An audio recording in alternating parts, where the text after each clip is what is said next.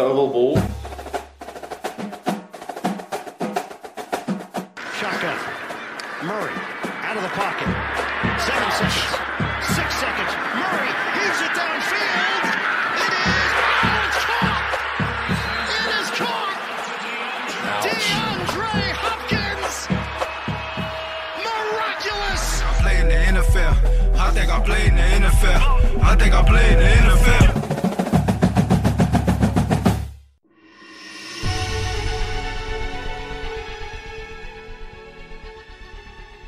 Hjertelig velkommen til Oval ball. Kenneth er like fraværende som Titans sin field goal unit, men Oval ball, vi er stabile som et visst Eagles-lag. Eller hva, Stian? om vi er her. Ai, ai, ja. Høsten er ankommet, og endelig har alle lag i NFL fått sin første seier.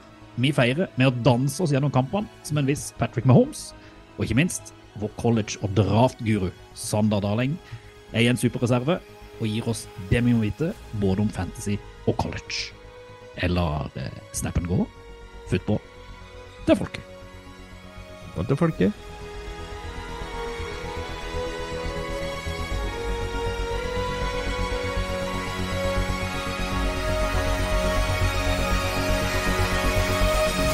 Ja, noen har ferie, og noen har ikke.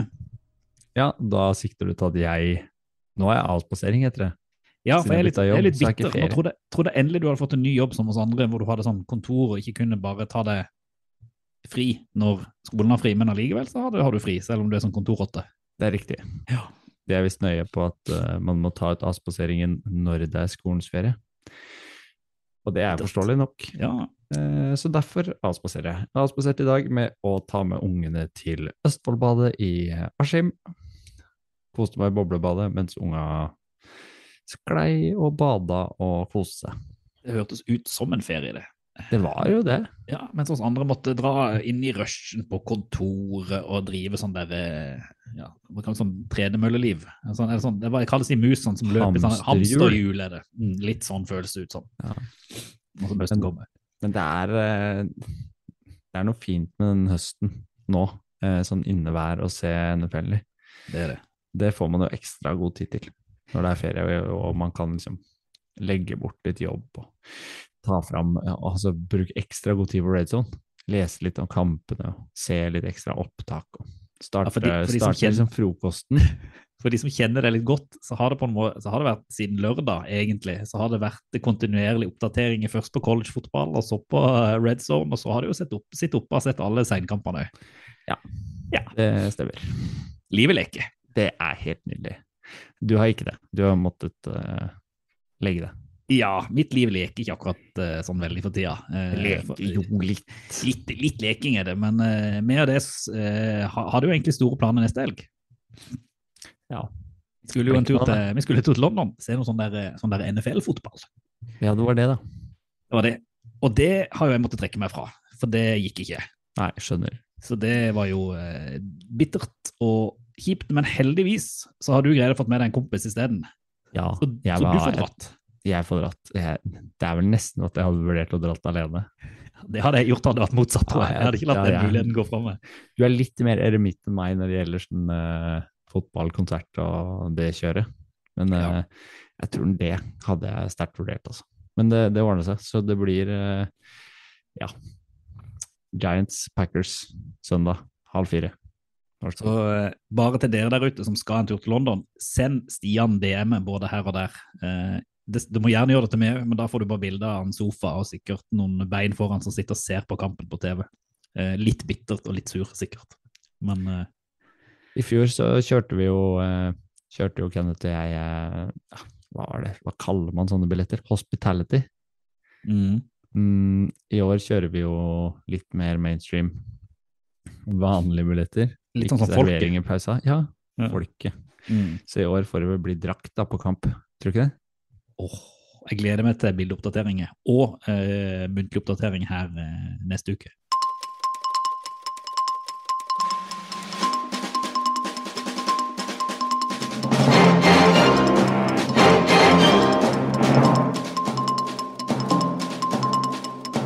Ja, Nyhetsspalten starter vel som vanlig med en liten gjennomgang av hva vi har sett. Og Kenneth lovte jo på heder og ære at han skulle ofre alt fordi han fikk velge kamp først sist. Han er ikke til stede, han, så sånn får det bare bli. Men han uh, spilte inn et lite klipp. Vi kan jo ta en liten lytt på det. Det alle snakka om etter uh, Bengals seier over Dolphins 27-15 på torsdag, var jo Tua. Og måten han, eller de håndterte hjernerystelsen hans, eller den potensielle ryktede hjernerystelsen hans fra forrige kamp, eh, og at han spilte, og at han fikk en ny smell og hadde henda i fencing position, og det så egentlig ganske grusomt ut, rett og slett. Eh, så det var jo egentlig hovedstoryen. Det så forferdelig ut, og øh, håper jo at Tua på en måte kommer tilbake. Men jeg håper jo egentlig også at han ikke kommer tilbake neste uke, da. Fordi det er jo øh, Virker jo litt som at hodeskader øh, ikke blir tatt så seriøst som det burde. Uh, så vi får se. Og det er jo en etterforskning fra NFLPA på hvordan de håndterte det fra forrige kamp. Uh, men til kampen så var det vel uh, Var det jo bra Bengels da. Det er jo ikke så mye mer å si enn det. Uh, Joe Burrow så mye bedre ut. Han ble beskytta ganske mye bedre. de har fortsatt ikke fått i gang løpespillet noe særlig, Bengels. Det var mye miksen på én yard, to yard, tre yard, fire yard, korte løp. Men, men pasningene så jo ganske mye bedre ut, da. Eh, og Bengals er back on track.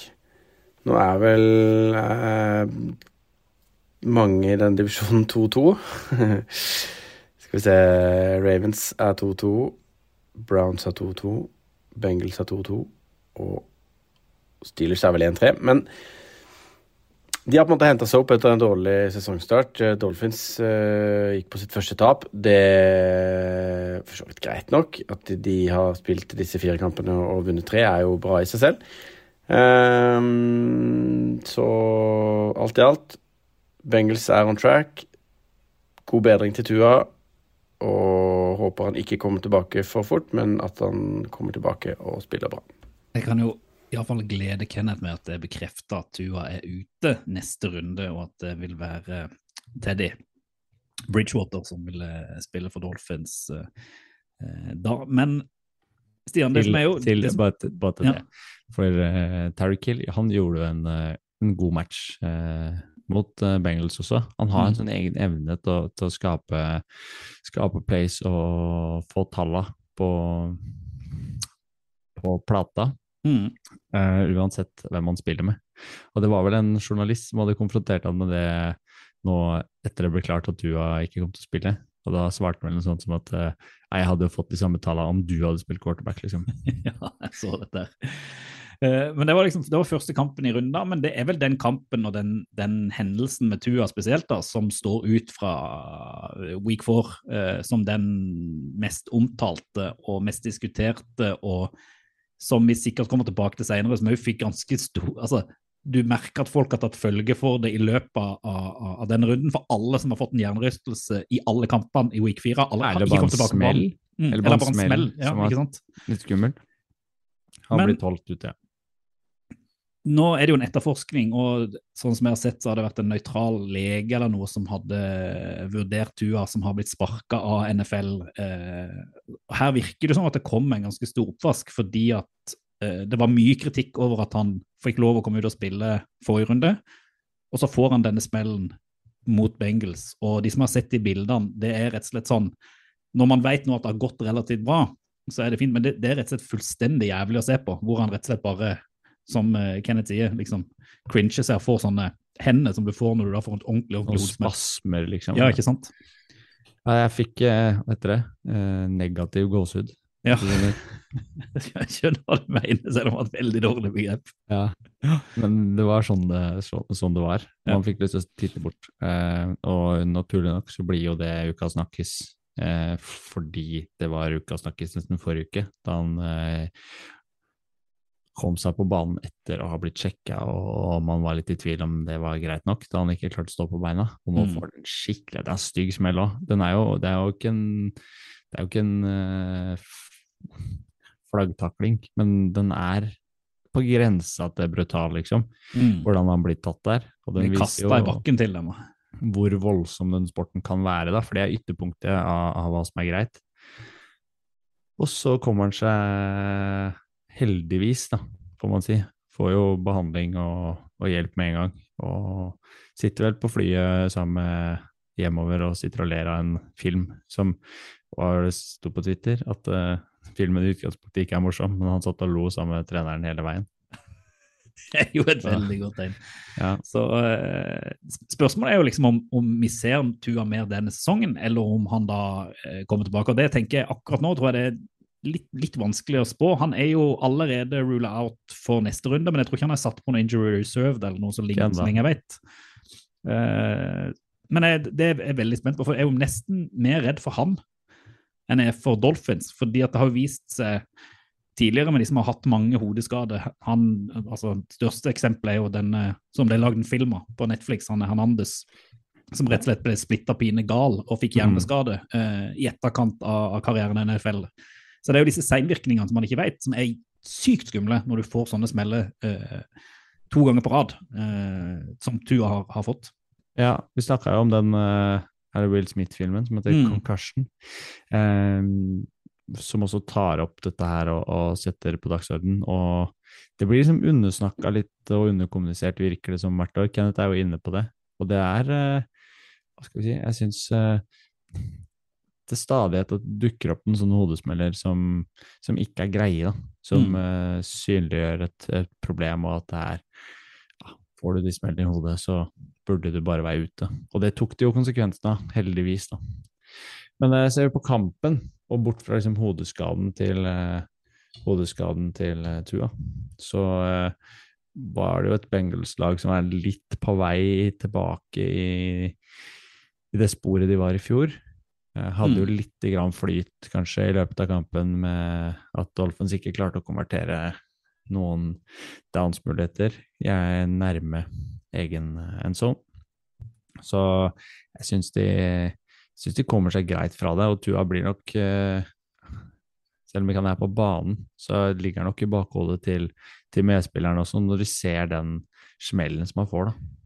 Ja, altså tenker jeg jo det siste man ikke skal, skal undervurdere, det at uh, Dolphin spilte vel mot Bills på søndagen Uh, i det været i Miami hvor liksom alle var fullstendig tappa for energi og, og, og, og altså alle var jo liksom måtte jo nesten ha intravenøst på benken, og så går det jo bare fire dager, og så skal de spille en ny kamp mot et Bengals-lag som har hatt mye mer hvile. Eh, for de spilte vel tidligere, de òg. Altså, det, det, det ligger noe der òg som nok gjør at uh, det er litt vanskeligere å yte 100% og da det siste som kanskje de burde ha gjort for å kon altså converte de dansene. Så eh, jeg er ikke sånn kjempebekymra for Dolphins heller, egentlig, ut fra akkurat den kampen der, men vi får jo se uh, videre. Så sånn sett så er det jo det er gøy å ha Bengels tilbake. Enig. Du Stian, du har jo sett masse kamper, men det var én kamp du valgte ut sist. Eh, eller forrige episode.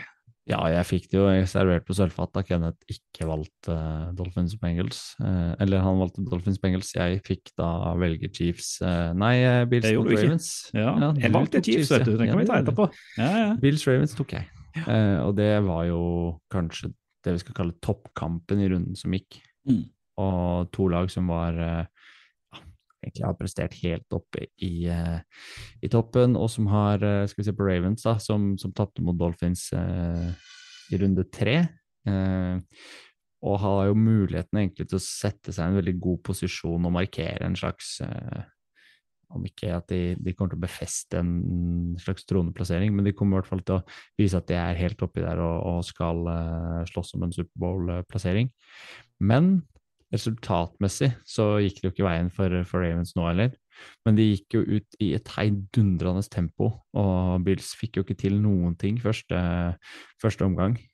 Da var eh, Ravens egentlig overlegne i et Altså, det været Du så på TV-bildene, og de som, de som fikk det med seg Det, det er jo ikke vanlig å gå til å spille, spille amerikansk fotball i sidevind, øs, pøs, regnvær og ja, Det er som en ordentlig sånn, norsk høst. ordentlig sånn vestlandshøst. Eh, og jeg syns jo det er litt, litt synd egentlig at det var det været, for dette her var to gode dager som egentlig leverte en ganske god kamp i de Mm. værforholdene. Så jeg bare tenker, hadde det da vært opphold og litt liksom eh, tørre bane, og vindforholdene ikke hadde vært så crazy, så tror jeg vi kunne fått en sånn legendarisk kamp. Fordi at man måtte passe på hva man kasta, man måtte være litt mer forsiktig med hvordan man spilte, litt lavere risiko.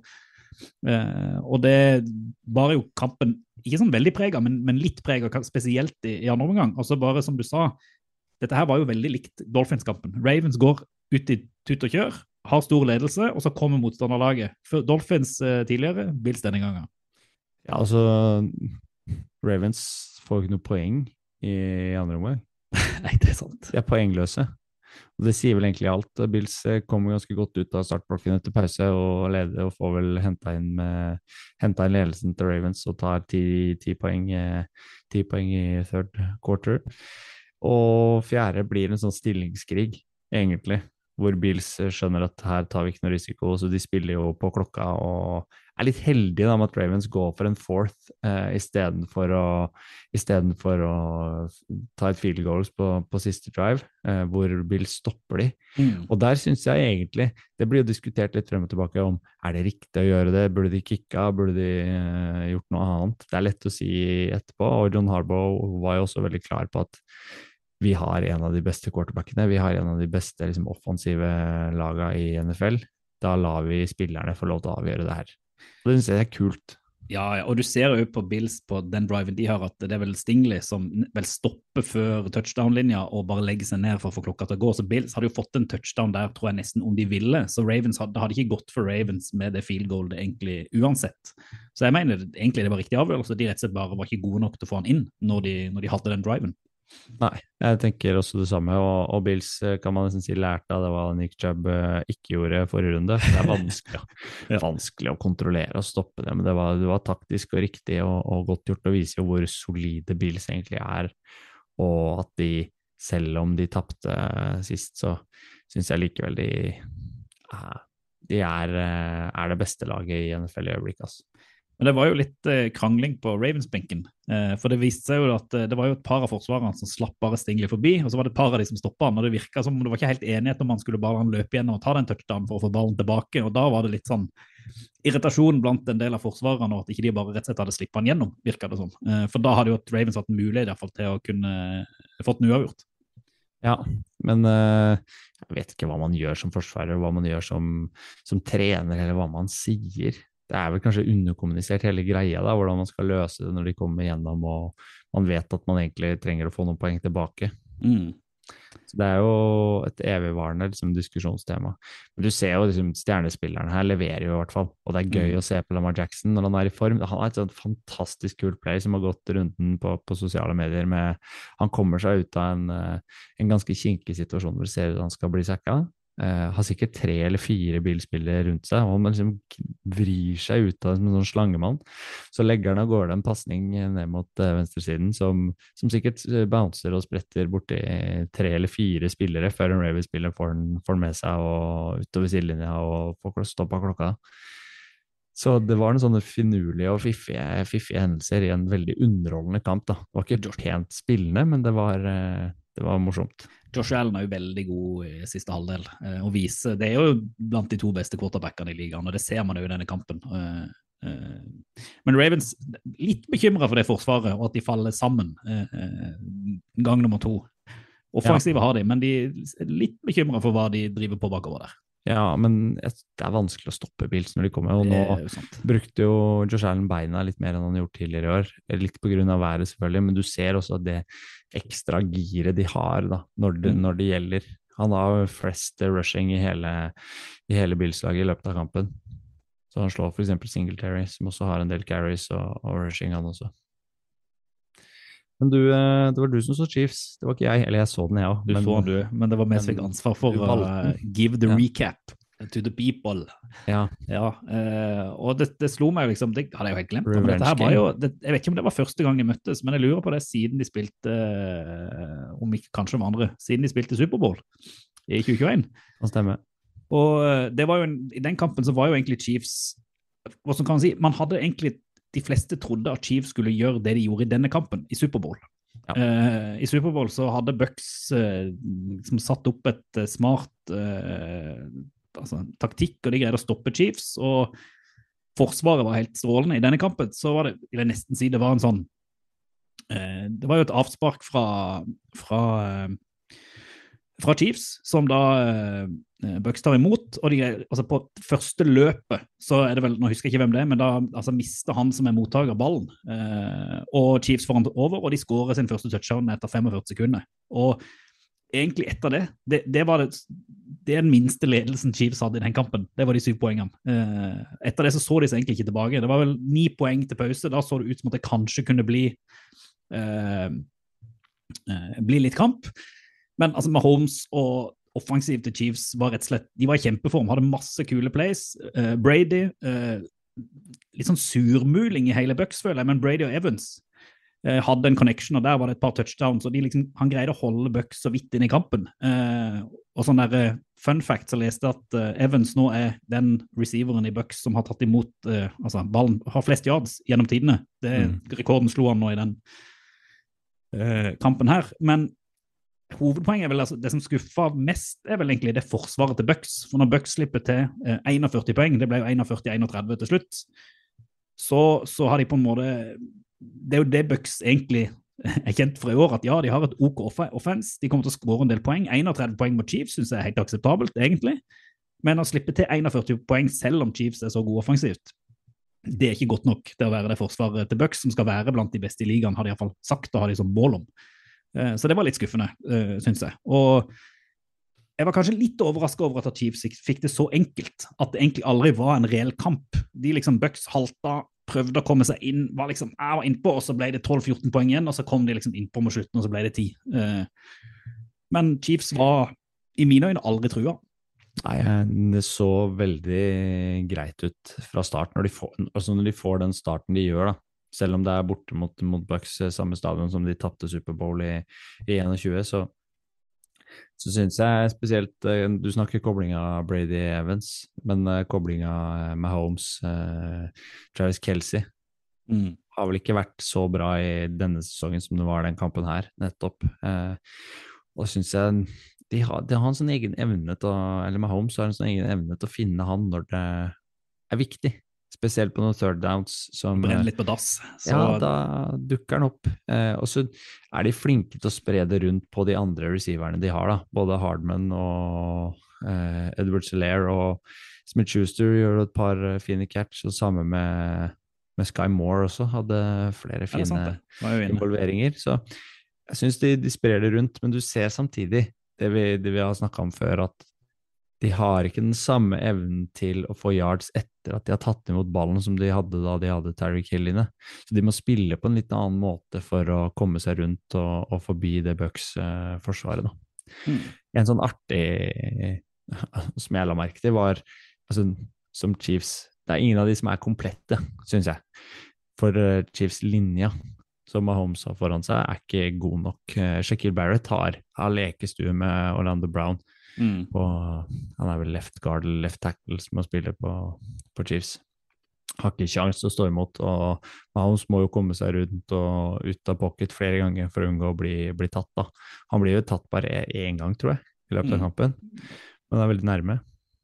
Nei, jeg hadde flere. var jo helt enorm. Tre eller fire, ja. Mm. Så Mahomes var god, og han er jo den store forskjellen, syns jeg. da. Han er jo et par knepp bedre enn Brady Mm. I den kampen. Selv om Brady kommer i gang og får i gang sine, så, så er, eh, er Chiefs eh, der de skal være nå, altså. Jeg syns jo det. Så, øh, men kul, kul kamp, det må, det må jo sies. Vi må prate bitte grann om et par andre eh, jeg. kamper òg. Eh, jeg tenkte sånn, bare for å ta det kjapt Jeg har en jeg har litt sånn Rett og slett litt vondt da. Det er jo Dan Campbell. Ja. Fordi at Lions er blitt egentlig det laget de var i fjor. Eh, nesten laget. Eh, har vel nå rekord for hvor mange poeng man har skåret i løpet av fire uker, som et NFL-lag. Men har også rekord ja. med hvor mange poeng man har fått imot som et NFL-lag. Eh, Tapte vel med tre poeng igjen. Tett kamp mot ja. Seahawks. Eh, men Her var de ikke så nærme som de kanskje har vært eh, noen tilfeller tidligere. Nei, de halta bak hele veien. Ja, Uh, men der er det liksom et stort, stort stort spørsmålstegn rundt hele forsvarsorganiseringa og Aaron Glenn sin, sin rolle. For nå uh, Altså, du, når du er et lag som skårer over 40 poeng nesten i hver kamp, uh, og taper og 3-4 nå var det vel uten DeAndre Swift og uten Amara St. Brown. Og. De mangla liksom Ja. Så der må det skje et eller annet, at de er nødt til å stramme inn bakover. Ellers så er jo denne sesongen egentlig over. Så jeg bare ville sende min sympati til, til Dan Campbell, selv om det er jo hans ansvar i bunn og grunn. Jeg bare får litt Ser vondt ut som han har det vondt på sidelinja. altså. Ja, virkelig. Eh, Vi, vi skrev litt om det i chatten, men han, han ser liksom ikke oppriktig glad ut når de får poeng og, og nærmer seg, for da ser han litt sånn, da går det over i en sånn, et sånt sinne og litt sånn desperat sånn Kom igjen nå med tårer i øynene, istedenfor å bli liksom glad og, og fyrig, da. Mm. Så han, eh, Eh, men en, en kamp som kanskje du fikk med deg, uh, som holdt på å bli rundens store, store skrell, mm. det var jo uh, The Return of Brian Hoyer, eller mot Packers. Ja, var det egentlig Det var jo Aaron Rodgers gjorde det han skulle gjøre i andre omgang. Han spilte Mm. seg opp ekstremt bra og har noen kast som veldig få gjør etter han i, i NFL. Men uh, Patriots yppa seg. Uh, og Brian Horry måtte jo ut, han òg. Fikk en smell i hodet. Uh, kom ikke inn på banen. Og da kom jo din favoritt inn, uh, Reir. Baileys Zappi, Og han sleit. vår eh, draft QB-helt, som vi nevnte vel i draftspesialen vår, at han ble henta seint av Patriots. Siste QB-en var det vel nesten Mm. som var henta i draften. Men han, eh, der ser du jo egentlig en spiller som, som er sånn typisk eh, tredjevalg. Han, han er heldig med Eller heldig, han får til noen fine kast, men altså, det er underholdende for oss som ikke har, uh, har noen sympatier til egentlig noen av laga, men som kan se, se kampen litt sånn nøytralt. Men for Patriots-fansen så må det se vondt ut å se, se Zappy uh, komme inn på egentlig ikke helt vite hva han skal gjøre. De sliter litt. eh, de er nærme, da. de, de er jo det, og det gøyeste er jo at hvis du ser på Zappi, han er ikke så veldig ulik Mac Jones. Så det er jo blitt spøkt om at, uh, at uh, Belichick bare trodde han satte inn Mac Jones igjen, så han var frisk fra skade. Og så var bare Zappi liksom en sånn downgrade-versjon, for de, de ligner ganske mye på hverandre. Ja, det gjør det. Men eh, det er litt forskjell på pasningsarm og, Ja. og kvalitet og evne til å se, se spill. Og så syns jeg Packers begynner å nærme seg noe igjen, de òg. Eh, spille seg sakte, men sikkert inn i om ikke i form, så iallfall uh, sitter kasta til Rogers eh, bedre og bedre, og linja kommer seg utover kampen. Eh, men Patriots har et sånt Jeg vet ikke. De løper mye eh, og får yards. Eh, og der kan man jo si at kanskje forsvaret til Packers også klarte å justere seg inn til å stoppe det, til å stoppe det forsvaret. For det kunne se litt sånn ut da overtiden begynte der, at uh, Patriots kom til å løpe løpe det inn og, og sparke. mm. Uh, men det er jo Så blir det motsatt. Mm. Men det, det var liksom, når det blir overtid, så er det på hengende håret der oppe på, på Lambo. Men uh, imponerende av Patriots synes jeg egentlig med tanke på de skadene som de hadde, og så imponerende av Packers og greier å snu det og få det hjem til slutt. Ja, det er vel en sånn kamp som, som Packers kan bygge litt videre på, og, og Patriots er vel litt sånn Ja, det er vel status quo i leiren der. Det, man blir liksom ikke helt klok på de, og det er spesielt playcallinga som, som man har diskutert, eh, og som var tema under eh, treningskampene og, og treningsleirene i, i preseason her òg. Mm. Hvem tar avgjørelsen, og hvordan skal det liksom ende? Og her er det ikke helt det Ser ikke ut som du blir enig, det er mye rart de gjør, altså. Mm.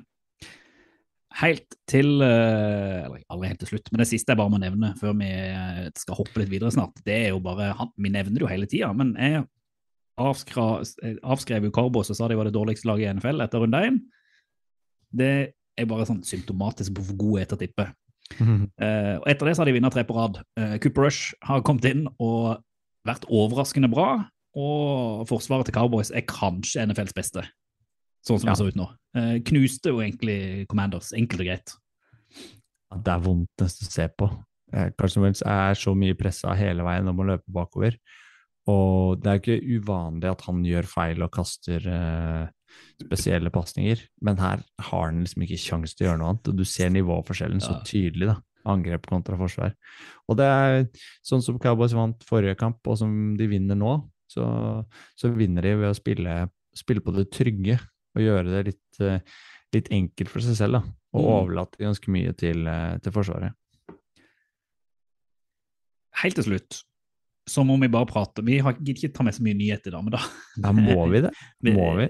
Må, det kan vi jeg fornevne. Han, han er jo ikke lenger i NFL engang, men han er på en måte en del av det. For Antonio Brown, som avslutta sin foreløpige NFL-karriere med å var dra av seg drakta og eh, vinke med han mens han gikk av banen i, i Tampa i fjor, han eh, dro til Dubai og dro av seg både det ene og det andre eh, for hotellgjester. Ja. Leker Marco Polo i Marco Polo. hotellbassenget. Ja. Ja, ligger og blotter seg. Det er jo Hva skal vi si Den, den eh, det, det forsøket på å, eh, å skjule og på å liksom sensurere hva han driver og viser de andre gjestene, hvis man har sett det bildet, det er jo En dårlig sensur. ja, dårlig sensur, men, men også morsomt, da. Ja.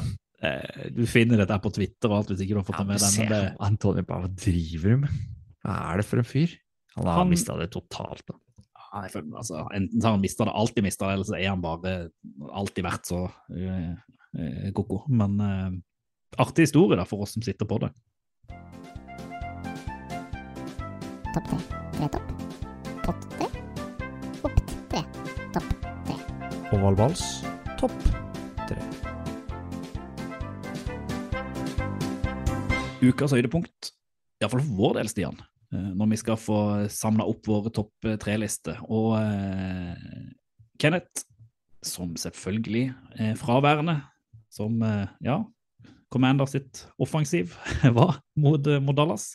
Men han har i alle fall greid å plukke fram telefonen mellom slagene med ungene og sendt oss da en liten oppsummering av sin uh, topp tre-liste. Så jeg tenkte vi kunne høre den, og så kan vi ta slakta den etterpå. Vil vi høre den? Uh, du kan jo trykke på mute nå i to minutter og 49 sekunder. Legger inn en siltinn topp tre fra Sørlandet. Eh, tredjeplass. Kenny Pickett sin debut har altså utrolig nok kasta tre interceptions, men allikevel så ser det mye bedre ut enn Trubisky. Jeg syns jo han er uheldig med de to første. Det er jo på en måte kampen til eh, Steelers, det, da. Eh, hvis eh, han eh, Claypool klarer å ta den første Nå husker jeg ikke hvilken receiver det var i den andre, men det var liksom litt sånn dink and doink i henda og interceptions. Den siste var en Hail Mary, så det er jo litt lettfett. Men det så jo ganske mye bedre ut med Pickett, da. Han, uh, enn Trubisky, så jeg tenker vi får se han videre. Og jeg tenker at Rookie of the Year er innenfor rekkevidde eh, fortsatt, ja, ass. Så det er spennende. Uh, på andreplass så setter jeg da um, uh, Saquon Barkley. Han uh, kunne jo vært på første, selvfølgelig. Han uh, leder faktisk uh, rushing yard-statistikken eh, med 463 foran Nick Chubb. Og det er jo litt gøy, da, for en en erklært Saquon-fan, og han hadde, spiller en kjempestor, viktig rolle i offensivet til Giants. Giants som faktisk er eh, 3-1 eh, og holder stand. Eh, ser jo ikke sånn sykt bra ut, kanskje, men de, de på en måte får det til. Og en periode i kampen nå, nå sist, så var jo Sekon også quarterback, eller de kjørte opp i Wildcat når både Daniel Jones og uh, Tara Taylor var, um, var skada. Så det, det var jo litt gøy. Og min førsteplass, der jeg går rett inn på Jalen Hurts, som eh, leder uh, Philly til 4-0 etter fire kamper. Eneste ubeseira laget. Det var liksom året til Hurts, da. Skulle han bli Er han en ekte starting quarterback i ligaen? Er han ikke det? Han er det selvfølgelig, eh, og var jo på vår liste over årets eh, overraskelser eller gjennombrudd osv. Eh, tar ligaen med storm, er jo akkurat nå i MVP-racet, kanskje sammen med Lamar og Josh Allen i Det er vel de tre det står mellom hvis vi skulle avslutte sesongen nå. Men det skal vi ikke, for det er ganske mange uker igjen. Men Hurts eh, leverer varene. Som forventa av ovalball.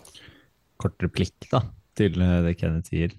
Eh, det er gøy å se Kenneth Pickett, og han, han bringer så mye mer energi inn til det Steelers-laget. Og det ser så dødt ut når Trubisky står der og skal, står under senteret og skal kaste. Men det Pickett gjør, han blåser i gang publikum, og kampen ser plutselig artig ut. Enig? Enig. Og Sequan og Wildcat var jo egentlig det eneste gøye med den Giants og, og Bears-kampen. For det Ja, var to fytti. dårlige lag. Chicago Bears kanskje det dårligste i hele NFL. Eh, så da fikk du i hvert fall litt sånn fyr i teltet når begge quarterbackene ble skada, og du fikk eh, Daniel Jones stående ute med haltende bein som eh, wide receiver, mens Saquon Sequan sto der og tok imot snappen. Og Eagles, selvfølgelig. Apropos regnvær, det var det villeste, det regnværet som var i Philadelphia. Uh, Trevor Lawrence takla du ikke uh, i det hele tatt. Det visste vi nesten kom til å skje. Ja. Det meldte jeg tidlig til dere. Ja. At det kom til å gå gærent, selv om Jags hadde en ganske god start på kampen. Så i den formen Eagles er i, så var det dømt til å gå den veien de gikk. De tok fram det løpespillet de hadde i fjor, og bare dundra gjennom uh, det egentlig ganske gode forsvaret til Jacksonville. Ja, de gjorde det, men, men Eagles, fitte, de er gøy å se på. Jalen Hurts Ja. er helt oppe i MVP-contention nå. Skal Du, kan ikke du, eh, skal, vil du hoppe på, på en tredjeplass? Oh, ja, gjerne. gjerne. Gjerne, for dette er en tredjeplass jeg har også vurdert å sette øverst. For det, det handler om Monday Night Football. Dette her er Ja, for de som ikke, Nå er det jo ingen som ser oss, for dette hører oss bare, men Stian sitter nå i sin 49ers Debo Samuel-skjorte, og jeg har en følelse at det, det har noe sammenheng der. har litt sammenheng. Fordi eh, jeg skrev jo inn på kjøreplanen og det vi jobba med, det gjorde jeg før kampen ble spilt eh, natt til i dag. I dag er det altså tirsdag. Um, at 49ers slår Rams. De har for vane å gjøre det. De, de tapte jo i eh, divisional game i, i fjor. Eh, men de, hadde ganske, de vant jo begge seriekampene. Og de vinner altså kjempesolid igjen. Holder Rams nede på null touchdowns. Har vel er det 7-6 de ender på, og tar eh, rotta på Stafford. Eh, og forsvaret til, til 49ers, så snakka vi om Dallas-forsvaret. Men hvis du ser på DVOA, da, som liksom er alle sammensatte statistikker som man har på, på forsvaret, så ligger 49ers eh, på første. Eh, basert på den statsen som fins, foran Bills, Eagles, Buccaneers og Cowboys helt nede på femte der, altså. ja. Ja, ja. Mm. Så, men eh, Nick Bosa gjør en kjempekamp. Han hadde vel 14 pressures alene eh, kampen, mens eh, jeg tror Rams-laget hadde seks. Ikke Så sant? det sier jo egentlig alt om den flyten de er inne i. Eh, Jeg syns de var helt suverene. Altså, Rams følte jeg ikke fikk til noen. De hadde vel ikke en touchdown engang, hadde de det? Eh, De hadde ingen vel bare, bare spark? ingen touchdown, Ja. tre spark. Mm. Og det var der de ble stående. Og de har- 24-9, ja. Selvfølgelig. Det var såpass høyt. Ja, ja, og, og 49ers-forsvaret tillater i snitt da 11,5 poeng imot per kamp. Det er klart, De hadde lite. jo den dølle kampen mot Bears her, men her får du egentlig se det 49ers er gode for. da. Og de har litt flyt i også når de kommer inn i kampen, men så ser du liksom stjernespillerne med spesielt Debo Samuel, da, som uh, har årets eh, play, eller beste play han ja, kanskje er har hatt i karrieren. Det må vi nesten det må vi få lagt ut til folk som ikke har sett det, for det finner vel en Twitter-video eller et eller annet vi kan legge Altså, han tar imot jeg, jeg vet ikke om det er meningen at Garoppolo skal kaste den ballen så høyt, men han gjør det i hvert fall for å unngå er det, det er en rookie, jeg husker ikke navnet på han, som skal dekke Divo Samuel, og det er bare god kveld og god natt og god jul og vekk med deg. Og så går han jo av to taklinger til. Han ene er Jalen Ramsey, som ser helt fjern ut. Han blir konfrontert med det etterpå. Divo Samuel bare hva, hva er det Jalen Ramsey driver med? Liksom? Han driver bare Det her gjør jeg hele tiden. Jeg er ikke redd for å løpe forbi han. Nei, ikke Mens sant? Ramsey så han syntes han så frykten i øya på han. Han ble jo mobba av en annen 49er-spiller òg i etterkant, eh, som er jo en sånn artig greie man legger merke til.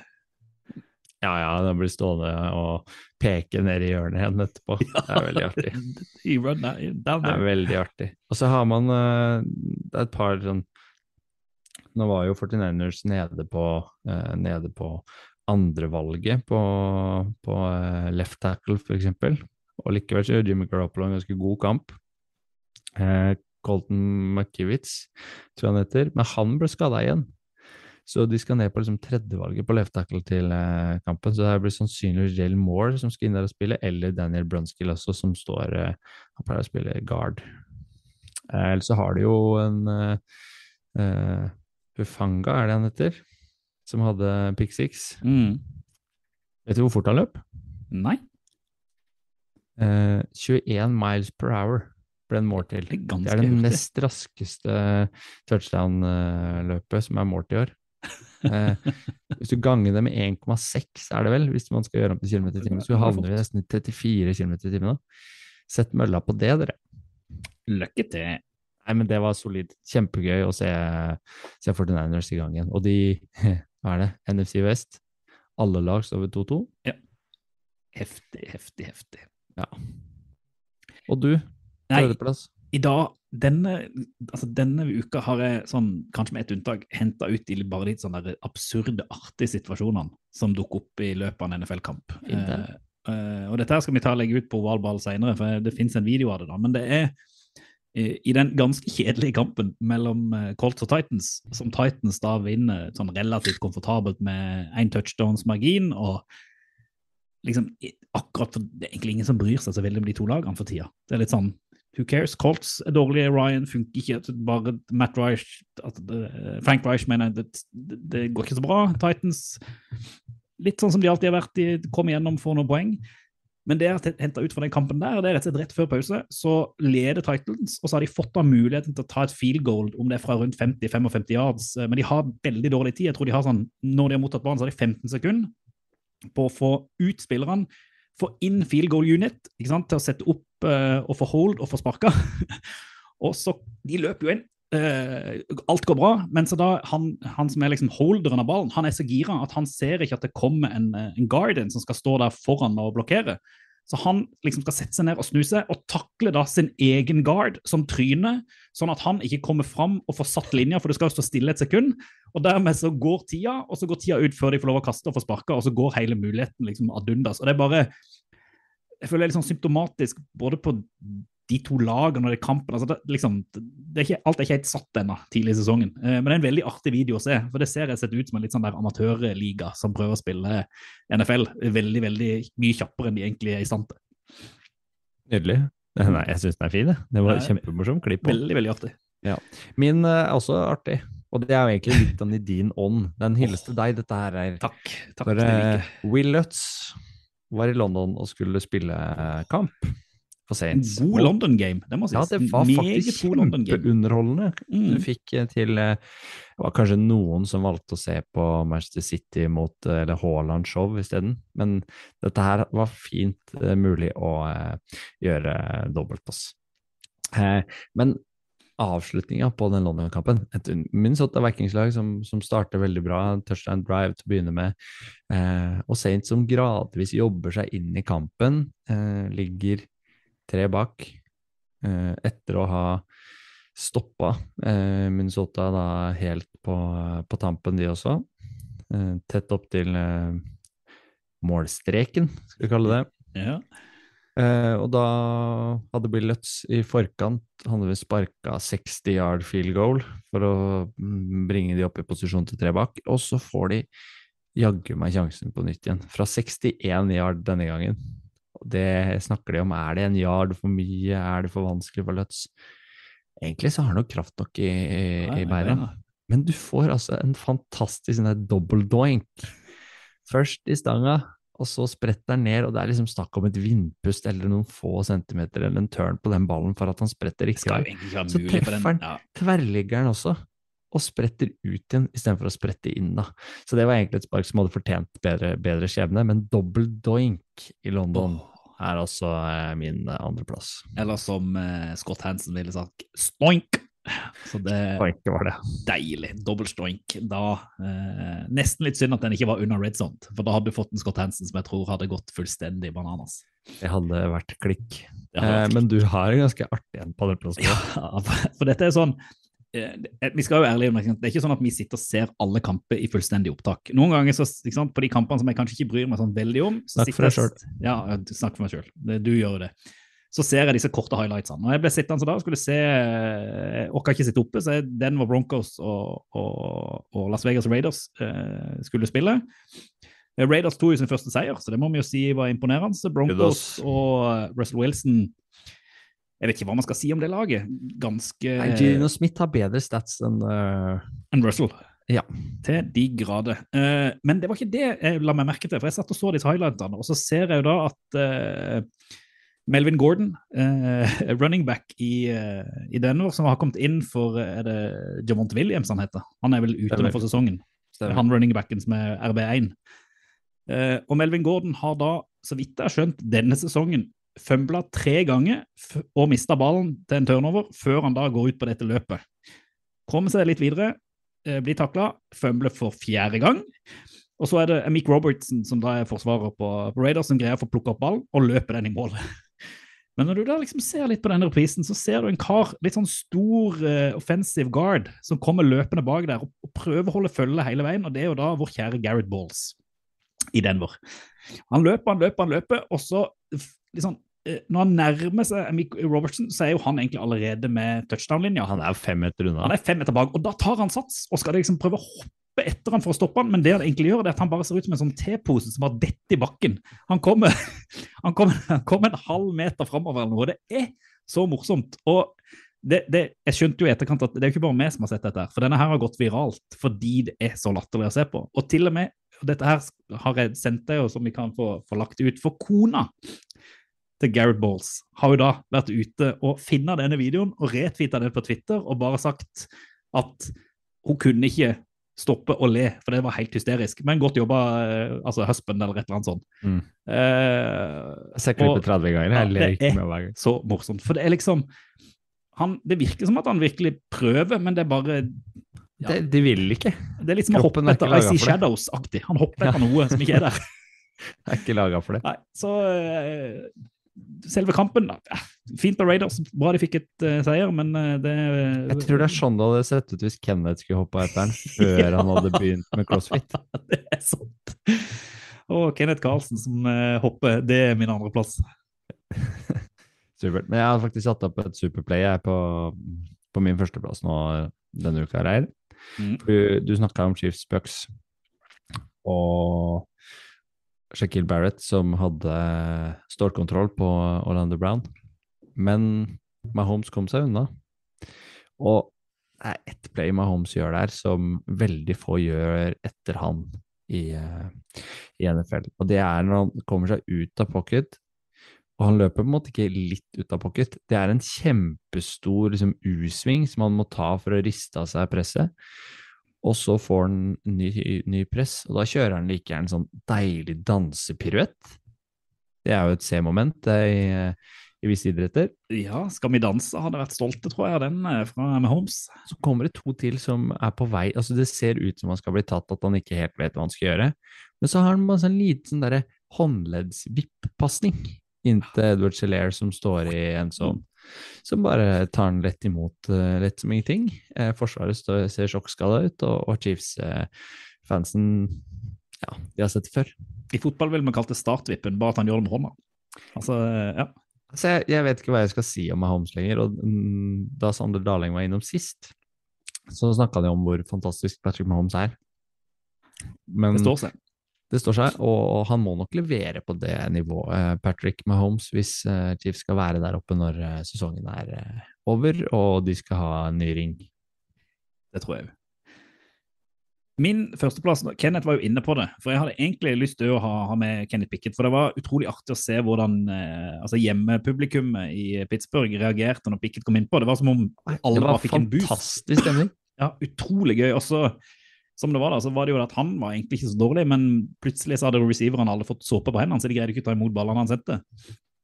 Eh, men det som egentlig som er min førsteplass, det er jo at Zack Wilson hadde sin første kamp, quarterbacken for Jets, eh, i denne kampen mot, mot så hadde egentlig tre fryktelig dårlige omganger. Og han har jo blitt kritisert mye, og man har vel egentlig, mange har vel allerede konkludert med at Zack Wilson er ikke quarterbacken for, eh, for Jets. Så kommer Pickett inn. Eh, Stemninga på stadion snur. til liksom, nå, fin, nå tenker liksom alle publikum at nå, nå vinner vi denne kampen. Nå er liksom vårt hjerte Det var den stemninga, det er helt riktig. Ja, utrolig sånn hatsk nesten mot Jets. Og da våkner lille Zack opp eh, og har en helt vanvittig eh, fourth quarter. Eh, først så kjører han en eh, 91 yard drive eh, fram, hvor han da liksom får en touchdown. Og så på siste driven, som gjør at de vinner, så har han eh, fem av fem, ingen feil kast, fullstendig stålkontroll og kjører det forsvaret eh, rett inn. Og det er noe med uh, unge quarterbacker, jeg anser han ennå som det, som i pressa situasjoner For tidligere hadde han, altså de tidligere sesongene så har han kasta bort ballen der og fått en interception, men som da i de avgjørende situasjonene òg tar det ansvaret og gjennomfører og greier få laget sitt fram og får de poengene som skal på, på bordet, og ikke driter seg ut regelrett. Jeg syns det var kjempeimponerende, og det gir meg litt troa på at han har vokst litt, blitt litt mer moden, kanskje fordi han har vært ute og hengt med sine mor sine venninner, hvem vet.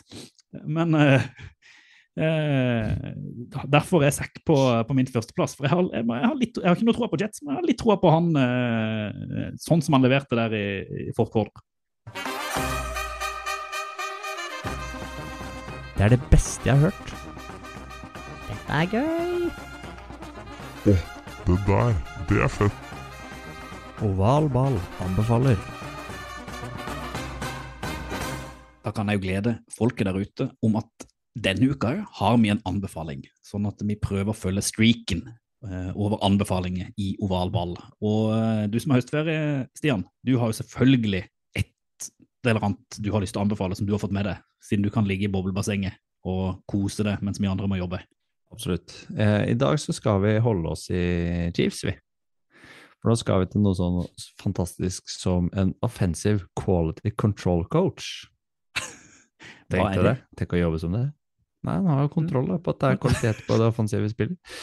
Um, NFL Films har laga en liten dokumentar om uh, denne offensive quality control coachen i Chiefs, som heter Porter Ellett, som har vært eh, kjempegod i basket, men som bare har én arm.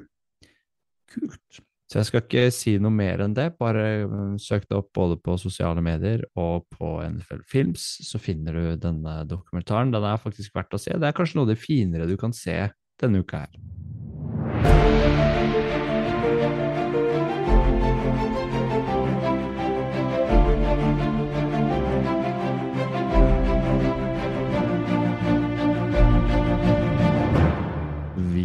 Har fått besøk. Woho! Det er fint. Når ikke Kenneth er her, så oppgraderer vi. Sander, velkommen. Ja, hallo.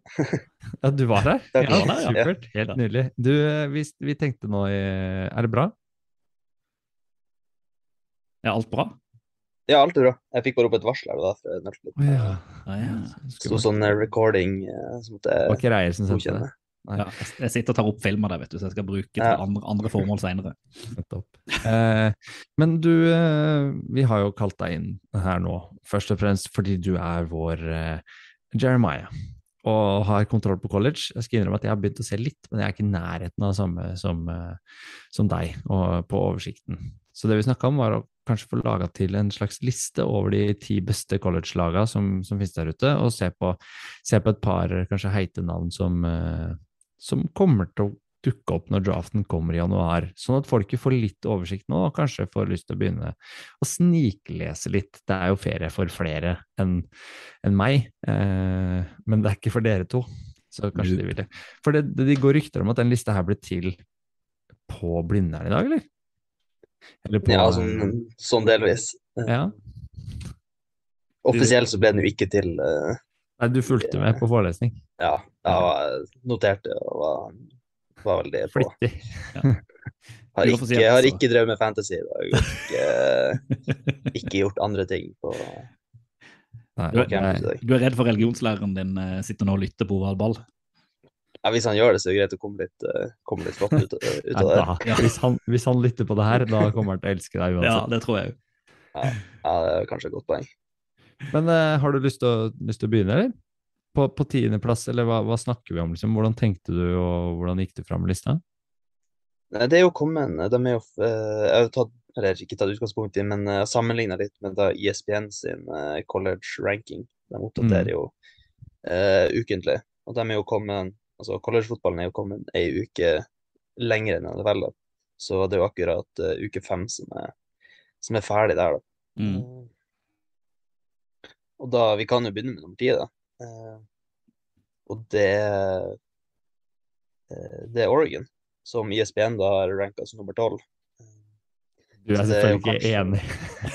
Dette liker jeg Ja, eller det er litt sånn svakhet for Oregon, da. Eh, De siste årene så har de jo kommet med spillere som eh, Justin Herbert og Penny Sewell, som er ekstremt kule spillere. da. Og det er jo sikkert mange som ville hatt et lag som Penn State, kanskje for eksempel, i stedet, i stedet for Oregon på lista, men uh, de, de, får, eh, de får den tiendeplassen for min del. Um, Hvorfor får de den?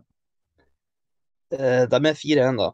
Uh, Så recorden er jo åpenbart eh, med å hjelpe, selv om Penn State er 5-0. Eh, Mm. Og så før sesongen så bytta de eh, head coach. eh, Fått inn en som heter Dan Lenning, som var med på tittellaget til eh, Georgia. Eh, Og det virker som han har gitt Altså, det har kommet en litt ny giv, da, eh, med han. Eh, Mm. De har eh, fått en mer eh, erfaren og bedre QB enn de hadde i fjor. Bo Nix heter han. Eh, tidligere spilt i Auburn. Eh, senior i år, da. Så han er ganske erfaren eh, college quarterback, da. Litt usikker på om vi blir å se noe spesielt til han i NFL. Men han er ekstremt morsomt å se, morsom å se spille. Mm. sånn klassisk eh, Får han litt sånn klassisk eh, dual threat college quarterback.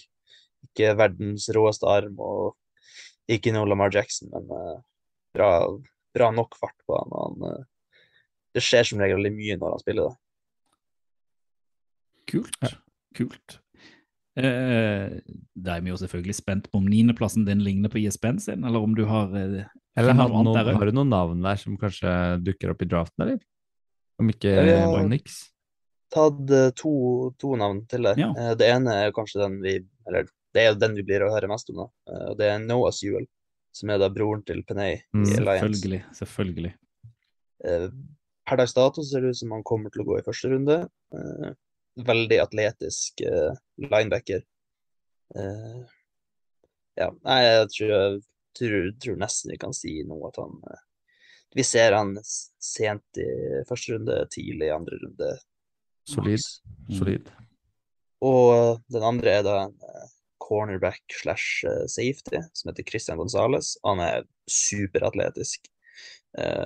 To brødre som har vært All Americans i sprint. og han, eh, Solid egenskap. og han eh, kom, kom fra Colorado før sesongen eh, og, og har levert eh, sikkert for mange overraskende bra denne sesongen.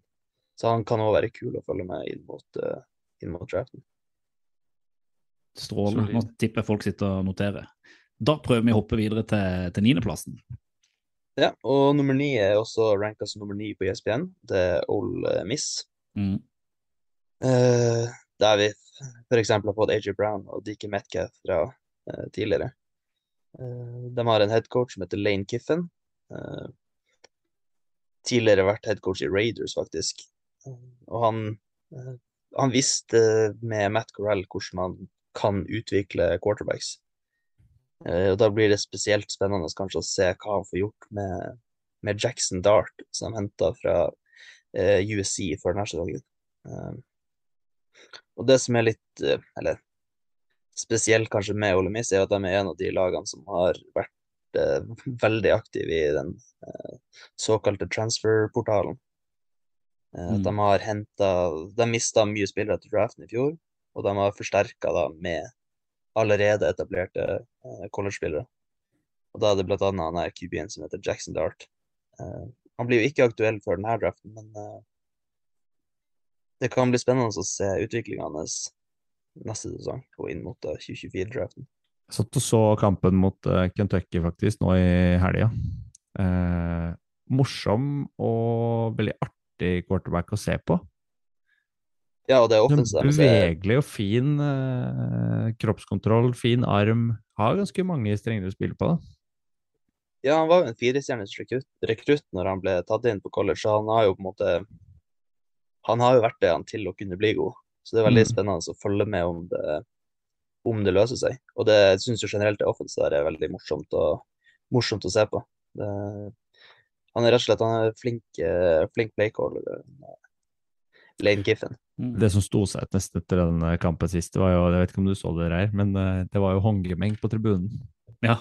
I Ole Miss eh, eh, kvarter mellom Jeg tror det var internt, faktisk. Full fest. Full Ja. Nettopp. Nå ser jeg du sitter med penn og noterer, Stian, til at vi skal begynne å lage draft-ranking for, for neste år. Men hvis man skal plukke ut noen spillere herfra, Sander, som man bør være oppmerksom på, hvem, hvem er det?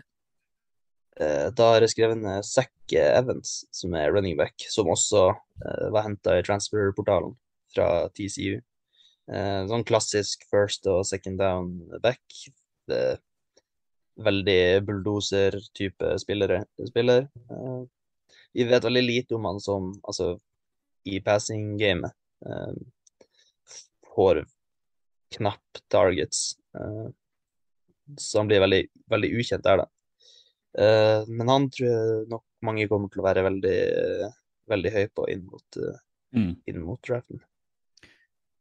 Her, eh, vi skal, her går vi i dybden, men jeg tror vi skal hoppe videre til, til nummer åtte, sånn at vi kom- kommer oss hjem med en liste før eh, Det er jo egentlig vi som skal gå og legge meg. Vi sitter nå sent på kvelden og skal ta dette opp. Men eh, jo, dette her er liksom Nå sitter jeg og noterer både bak øret og på papir, som vi har nå.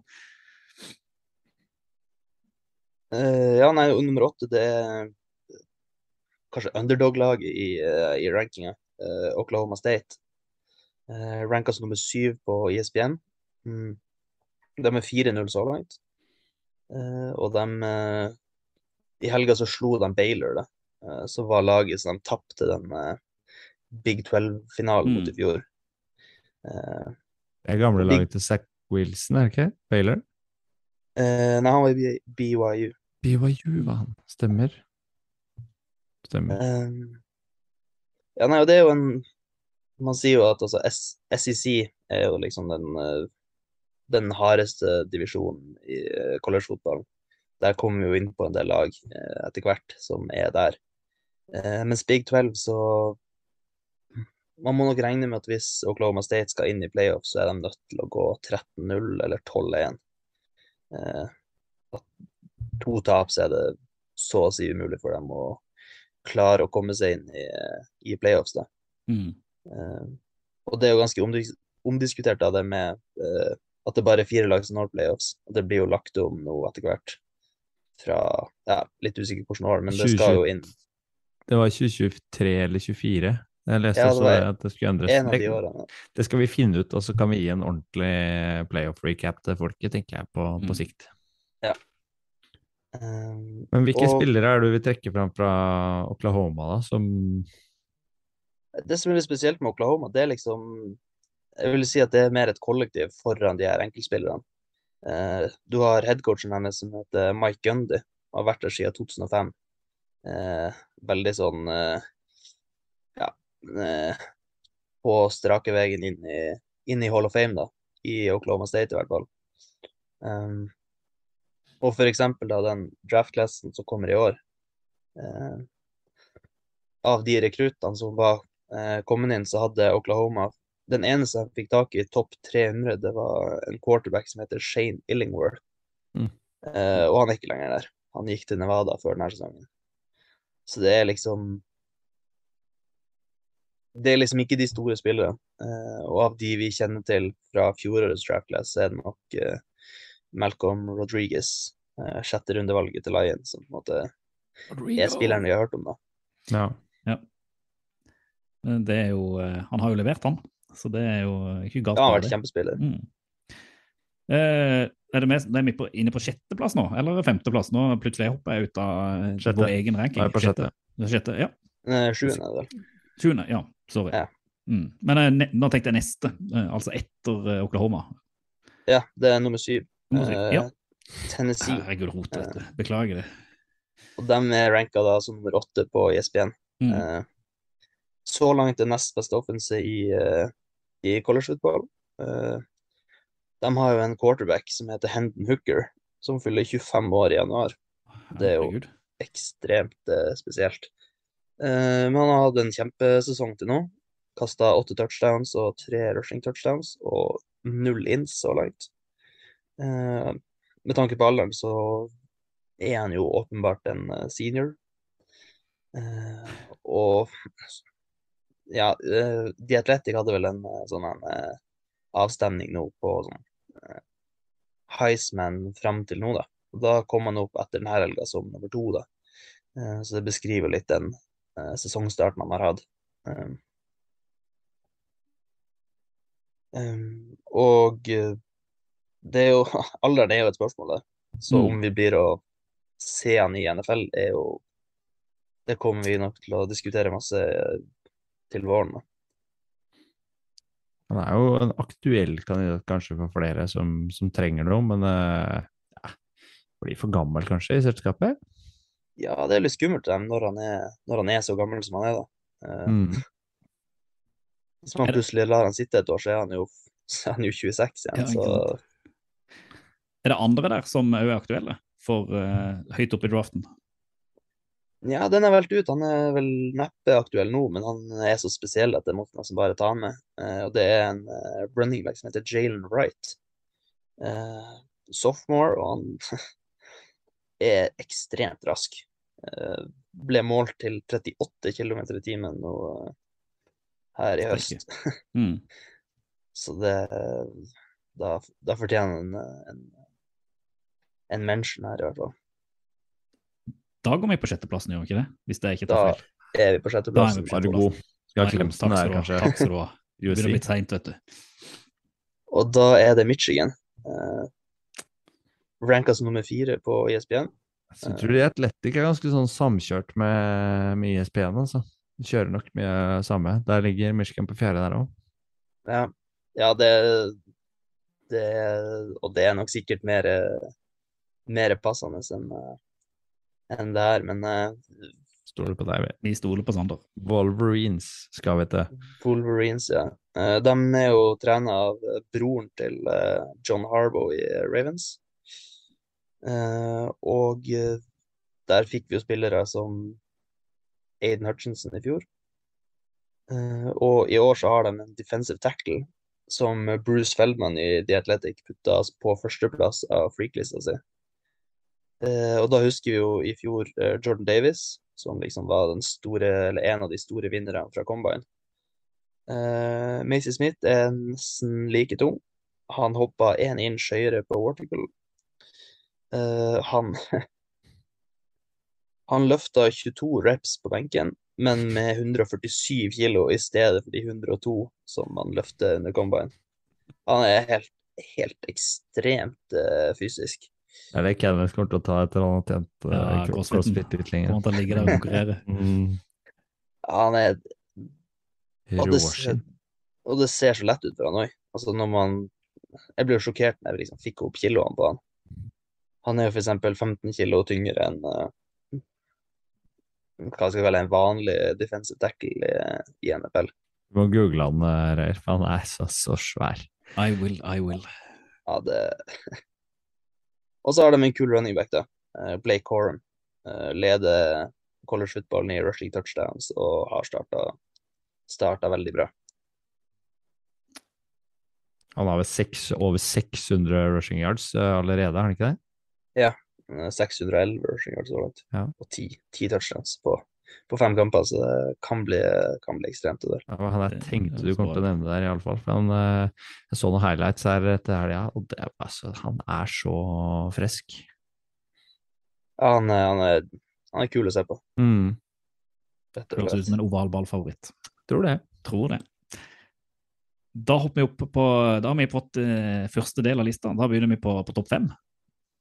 Og da skal vi til, eh, til en av de mer spennende lagene denne sesongen, som, eh, fra min side i hvert fall, og det er USC, eh, som ISBN er ranka som nummer seks.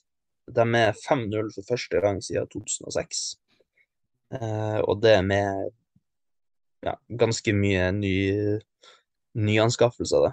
Eh, først og fremst headcoachen som heter Lincoln Riley, som kom fra Oklahoma. Og han tok med seg også Caleb Williams, som er quarterbacken i eh, USC. Han, han er skikkelig bra, altså.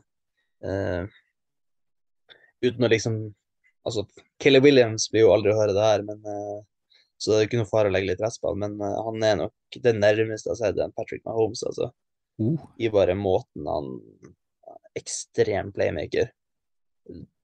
Kan få ja, tusen ting til å skje ut av det som ser ut som tapte plays, eller, eller ingenting, da. Han har vel 200, leste jeg, 200 mer passing yards enn f.eks. Bruce Young i, i Alabama. Jeg har ikke sett på statsene, men eh, det kan, jeg tror han er vel ganske høyt der. Eh, Ja, jeg tror han er over 1400, han eh, Williams. Og han skal inn i draften nå til, til neste år, eller er det for tidlig? Nei, han er jo dessverre i 2024-draften. Ja. Mm. Et Sikkert mange som blir være uenig i det, men jeg vil si at Caleb Williams er den beste quarterbacken i college-fotballen. Bra oi. Men det er verdt å merke seg navnet, med andre ord. Ja. Mm. Ja.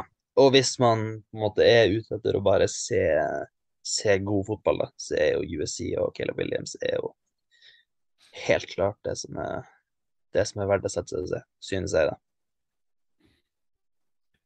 Og hva heter USC i tillegg, eh, Reiv? Ikke har ikke peiling? Trojans. Oh, Oh yes. oh yes. Så Er kan vi legge til Ja. Ja. Uh, vi kan jo legge til uh, Jordan Addison òg, som kom fra Pitt. Han var favorittreceiveren til Kenny Pickett i fjor. Uh, Mhm. Entra òg transferportalen og ble naturligvis fri- frista til Lincoln Briley og Caleb Williams i USC, og han har jo også sett Hvis han fortsetter som nå, så er det nok ikke utenkelig at han er wide receiver nummer én når eh, draften kommer. Han har vært, eh, vært kjempegod, kjempegod så langt. Her noteres det. Da må vi hoppe litt videre, sånn at uh, vi kommer gjennom lista òg. Fjerdeplass. Nå begynner det å bli spennende. Uh, det er Clemson, Mhm. ranka som nummer fem uh, på ISBN. Eh, tidligere laget til Trevor Lawrence, som vi, som vi endelig har fått se lykkes litt i NFL. Eh, Hvordan uttaler dem- du navnet på han quarterbacken? Er du god der? DJ Uyagalele. Ja, det er Da kjempebra. er bra. Da er det bra. Ja. Ja, Jeg det, sliter. Jeg sitter og, jeg sitter og prøver å se på de spillene. Han, de, de kommentatorene har det liksom naila, men ja. ja, jeg tror det klinger litt bedre på, på amerikansk òg enn eh, tror det. på om norsk. litt. Ja. Han, men han, han så jo for så vidt eh, Han fikk jo mye pepper i fjor. eh, for da var han Da var han rett og slett dårlig. Eh, men han har løfta seg i år. Syns han ser frisk ut nå. Starta sesongen med 11 touchdowns mot én interception. Mm. Og han har jo leda laget til 5-0, og han ser Jeg syns han ser mye mer forberedt ut enn i fjor. da. Gjør Altså, han har en, han har jo en bra arm, og han er Han er jo en viss trussel som, altså, som rusher, da. Uh, det er notert meg at jeg er litt usikker på hvordan den uh, løpinga eventuelt funker i NFL. Uh, men på college er det så er han en, eh, Mm. en allsidig quarterback, da. Han ser ut som han er flink til liksom å, å ta riktig valg, da. Altså han, han, han løper ikke for tidlig, som mange quarterbacker på, på det nivået kan finne på å gjøre. Men han holder igjen eh, pasninger ganske lenge og venter på løsning før han tar til beina. Ja, han er, han er, jeg skrev at han er god i pakten. eh, og han, jeg syns han, han, han slår meg som en veldig sånn intelligent spiller, da.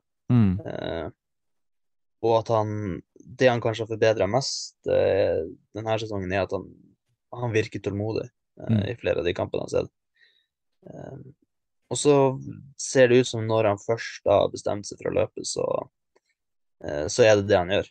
Eh, for jeg er litt, litt usikker på hvordan han er når han, hvis han skal kaste når han beveger seg. Det har vi sett litt lite av. Mm. Og det kan jo være sånn som, altså, sånn som du sier, at han eh, Når han springer, så Altså, han springer ikke for tidlig, da, at han plutselig må ta en ny vurdering. Andre der du vil trekke fram, før vi hopper videre til topp tre? Uh, ja, de har jo to på den defensive linja som er topp ti-kaliberspillere uh, når draften kommer, og det er uh, Brian Breezy, som er en defensive tackle. Eh, han Med mindre det skjer noe ekstremt der, at han tester mye dårligere enn forventa, eller det dukker opp noen skader som ikke skal være der, så tror jeg vi kan spikre han topp ti når draften kommer. For han er veldig, veldig god spiller. Mm. Fysisk, eh, fysisk based. Eh, og det kan man for så vidt si om eh, den andre spilleren òg, som er Miles Murphy, edge rusher. Han var, Vi nevnte jo freaklista i stad. Der inntok han tredjeplassen bak Macy Smith i, i Michigan. Og han minner kanskje mer om Traven Walker-type spiller. At eh, per nå så drafter du så drafter du han basert på de fysiske egenskapene. Mm. Eh, men det blir spennende å se da, hvordan han fortsetter sesongen. Han har jo glimta til veldig, f.eks. i helga mot NC State så var han veldig god. Eh, så må han jo bare vise at eh, at det er mer enn bare glimtvis. Og da er han fort og topp ti, om ikke topp fem. Jeg liker det. jeg liker det. Nå er det mulig jeg rota en Stian, men nå er vi på topp tre. ikke Nå er vi topp tre, det er helt er riktig. er Jeg liker topp tre. Det er noe vi liker dine. overall. Mhm. Og Hvem du tror er topp tre, da, Stian? Uh, Jeg tipper kanskje vi skal til Buckeyes. jeg. Tror det er Ohio du har på tredje. Eh, det, det er jo selvfølgelig helt riktig. Ja, Eh, det er. Ohio State. Mm. Og de er også ranka som nummer tre på E ISBN. 5-0 så langt. Eh, Og den styres jo da av eh, det som til nå er han som leder det Heisman eh. Heisman-trofeet. Ja. Som er da, for dem som ikke vet det, så er det en slags MVP da i college. Mm. Og det er CJ Stroud, som har starta med 18 touchdowns mot to interceptions. Og vært god, altså. vært veldig god. Eh, og de, men de har jo altså grunnen til at de ikke er høyere opp, da. Eh, for de er jo eh, De er jo det mest skårende laget så langt. Det beste offense i eh, collegefotballen til nå, men de har liksom ikke møtt noen særlig De De har har ikke møtt noen særlig motstand, på en måte. Er jo, de er jo i likhet med et annet lag på lista her De er jo litt sånn Hvis du ser for spenninga så er de jo så er de ikke all verden. Eh, sånn det er jo ikke, eller de kampene er ikke all verden. Da. De er Mm. fort over før, eh, før vi når eh, second quarter. Da. Eh, Men Stroud er vel en åpenbar kandidat for, for draften til, til neste år. Har de andre der som skiller seg ut, som du folket bør vite om når man skal begynne å lage liste utover høsten og vinteren? Ja, da, da har jeg notert med to spillere. Og Det ene er en wide receiver som heter Jackson Smith and Jigba. Eh, han starta litt sånn og litt sånn skadeplaga i år. Eh, ikke kommet helt eh, Ellers Man forventa jo kanskje en sånn Devante Smith-type sesong fra han egentlig i år. Men litt skada og litt Litt plaga har gjort at han ikke har fått komme ordentlig i gang. Men han ser Han er nok fort den beste wide receiveren for veldig mange inn i denne sesongen, i hvert fall. Mm.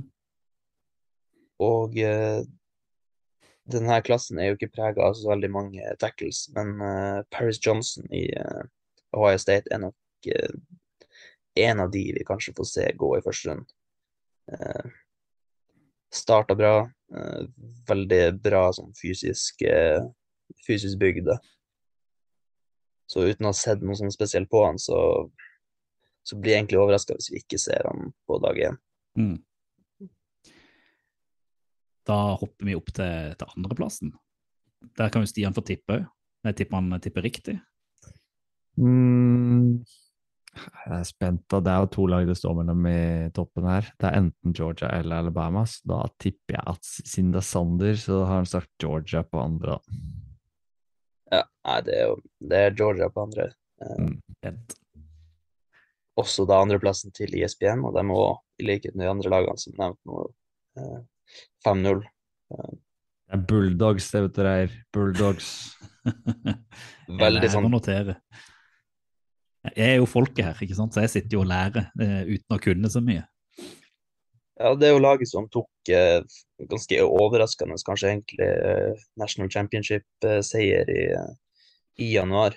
Eh, med da et ekstremt bra defense, eh, hvor de mista eh, tre, fire, fire av dem, var det vel, sånn av de eh, de nøkkelspillerne til, eh, til draften.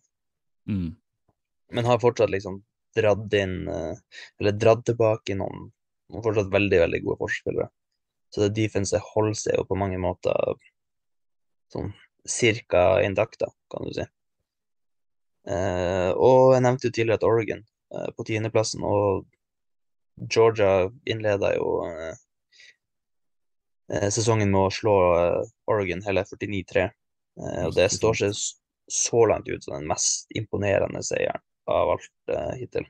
Mm. Den, den kampen er faktisk verdt å søke opp og, og se på YouTube for å se f.eks. Bennett, da, som er quarterbacken til, eh, til Georgia.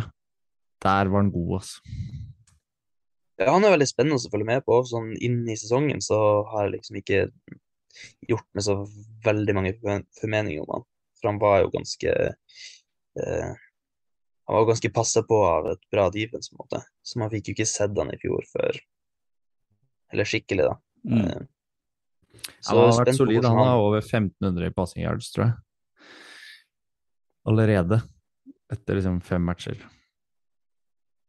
Ja, det er gøy. Og det, jeg føler det er jo liksom der eh, Det er jo der taket til Georgia ligger, da. Det skal jo mye til at det defenset leverer på samme nivå som eh, i fjor, og da krever, kreves det jo at eh, at Stetson Bennett klarer å ta et tilsteg og, og dra dem mot en, eh, en ny finale, da. Men I tillegg til han, da, hvem vil du eh, plukke der? Da har jeg plukka med meg en cornerback som heter Keely Ringo. Eh, For mange, eller kanskje egentlig konsensus cornerback igjen eh, på de fleste draftboards akkurat nå. Ringo. Liker navnet. Ringo. Ja, det klinger bra, det navnet der. Eh, s- 6'2 corner som er superatletisk, så på en måte, hvis han Hvis man treffer med han, da, så er han jo benkers eh, starter i hvert fall. Uh, og den andre er Jalen Carter, som er defensive tackle, som eh, også Der tror jeg mange allerede ser på han som en sånn slam dunk eh, topp fem eh, i draften. Ja. Veldig samme, ekstremt fysisk og Jeg tror kanskje mange per nå bare måler han litt på, på den fysiske ramma og hvordan han har spilt forrige sesong. Så, men det er jo spennende å se om han om han kan levere på det nivået vi, vi så i fjor, da. For da var han jo den beste spilleren på, på defensive til Georgia. Solid.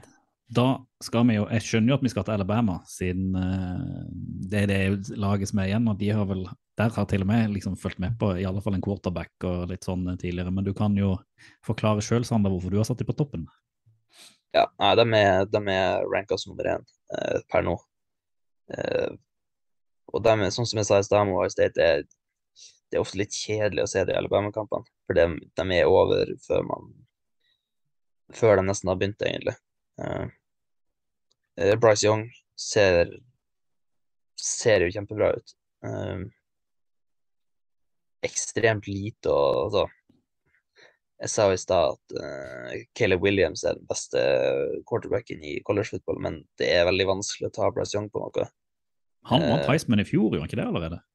Ja, han Ja. vant Heisman i fjor. Um, og han, altså Det er jo liksom Når draften nærmer seg, så vil jeg tro at det kun er størrelsen som kommer til å være det som diskuteres. For rent eh, teknisk og og ferdighetene hans og alt det liksom Han er, han er, han er, ekst, han er ekstremt god. Eh, veldig, Så veldig god Ja, men det er så ville tall liksom i, i college når du begynner å se på det. Fordi hvis- Hvis du ser kampene til Alabama nå, så vant de første kamp mot USU vant de 55-0. Og så slo de Texas eh, 2019 da, i andre, og så vant de 63-7 mot ULM. Og så vant de vel, eh, skal vi se her eh, Så vant de vel eh, 55-3 i, eh, Den fjerde kampen og i femte matchen da, så vant de mot Arkansas 49-26. da. Så de er ligger liksom og banker inn rundt 50 hver match. Ja, det, det- altså, det blir jo helt uh, Og det er ikke Ja. spennende, liksom. Nei, det, den Texas-kampen var jo spennende. Det var Og der, der var det vel mange som mente at de fort kunne tapt hvis det ikke var for at Texas-kubien måtte ut. Mm. Eh, nå leverte jo han som kom inn, leverte ganske bra, så det spørs vel uansett om han hadde klart det, men eh, Men ja, de fleste kamper til Alabama er jo veldig lite spennende. Men verdt å se for å se, for å se de, de talentene, da. For i tillegg til eh, For i tillegg til nevnte quarterback, så har du vel et par andre navn der òg. Ja, og der har vi jo det som jeg vil si per dags dato er den beste spilleren i college football, eh, Will Anderson. Eh, artig nok ikke en sånn superhøyt ansett rekrutt. Eh, var jo selvfølgelig eh, altså nummer 49 da, for eksempel hos ISBN, eh, som er høyt nok, men eh, bare ut ifra hvor dominerende han har vært på college, er det litt merkelig at, eh, at, at det ikke var så opplagt inn på college da. Linebacker, er det ikke? ja, linebacker, Eller han spiller vel overalt. Mm. Det liksom Michael Parsons-type. Ja, jeg vil si det er bra sammenligning. Sånn, eller sånn som Michael Parsons har vært i NFL. da. Eh, Mm. Kanskje en bra, bra, bra komp der. Mm. Han, var- altså, han var jo så god i fjor òg at det var noen som snakka litt om kanskje det, han ikke hadde trengt å spille en snap i år. Og bare forberede seg til NFL og fortsatt på en måte kunne gått nummer én. Eh, Da er du god. ja, Er du god? han er ek ekstremt, ekstremt god. Andre fra Eh, Alabama du òg har på, på lista? Ja, de henta seg jo en, eh, en running back i transferportalen før eh, sesongen, som heter Jamir Gibbs. Og han har så langt snitta på 8,8 yards eh, per carry, da, eh, som er nest mest i college football. Eh, og han ser òg veldig, veldig morsom spiller å se. Mm. Så han er da den, den tredje jeg plukka ut fra, fra Alabama. Deilig. Solid. Vi kan jo besøke denne gått et stykke ute i college-sesongen igjen, tenker jeg, og så- og så se på det. Og så kanskje du har lyst til å skriftliggjøre det, noe av det litt etter hvert eh, også, eh, Sander. For det, vi har lesere der ute som tørster etter college-materiale. Ja, nei, det kan vi, kan vi godt få til.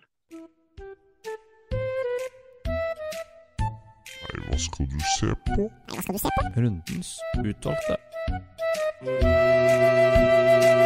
Blikkevent fra college til NFL til week eh, five. Og vi skal velge hvilke kamper vi skal se. Og for det, Eller Stian, hvilke kamper folket bør se. folket bør se, ja. Men det var derfor jeg tenkte vi skal se, folk skal, se. For du skal tross alt se en kamp live. Vi har pratet om dette tidligere, at jeg dessverre ikke kan bli med deg. Men du har på en måte ikke noe valg denne runden. Så hvilken kamp mener du folket skal se, Stian? Definitivt. Altså, det er jo høydepunktet og lettest for folket å få sett den halv fire på søndag. Det er sant. Giants Packers fra Tottenham Hotspur Stadium. Den skal dekkes eh, av meg, da. Eh, ikke live, jeg skal ikke kommentere den heller. men Nei, skal- Sosiale medier kan man jo følge med litt med. Det Ovalmann kan Pod, dukke for eksempel. På Instagram og Twitter.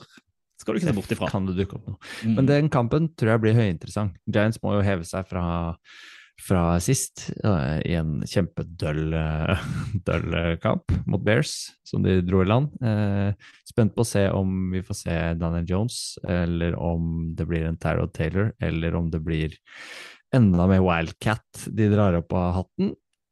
Eller om altså Aaron Rodgers Bare se han live, blir jo Du skal stas. se Aaron Rogers live. Det er ganske deilig. Det blir fint, det. Det blir fint. Bakhtiari får håpe han sitter på tribunen og drikker øl og ikke spiller. Du får eh, du må gi en lang lang recap av den neste uke. Når vi Packers-seier, tipper jeg. Jeg Med- det, altså. To touchdowns. Jeg tror Sekwan bare løper gjennom alt. Han tar dette her. Som Ja. Wildcat QB. Er det, er det noe jeg bør følge med ekstra med på, Sander? Eh, ja, nei, hvis uh, Bakhtiari spiller, så, er jo, så får du se Tibedo mot Bakhtiari på, uh, Det På er fin stadion. duell. Det kan Det være er en deilig duell. Den er god. Den er god.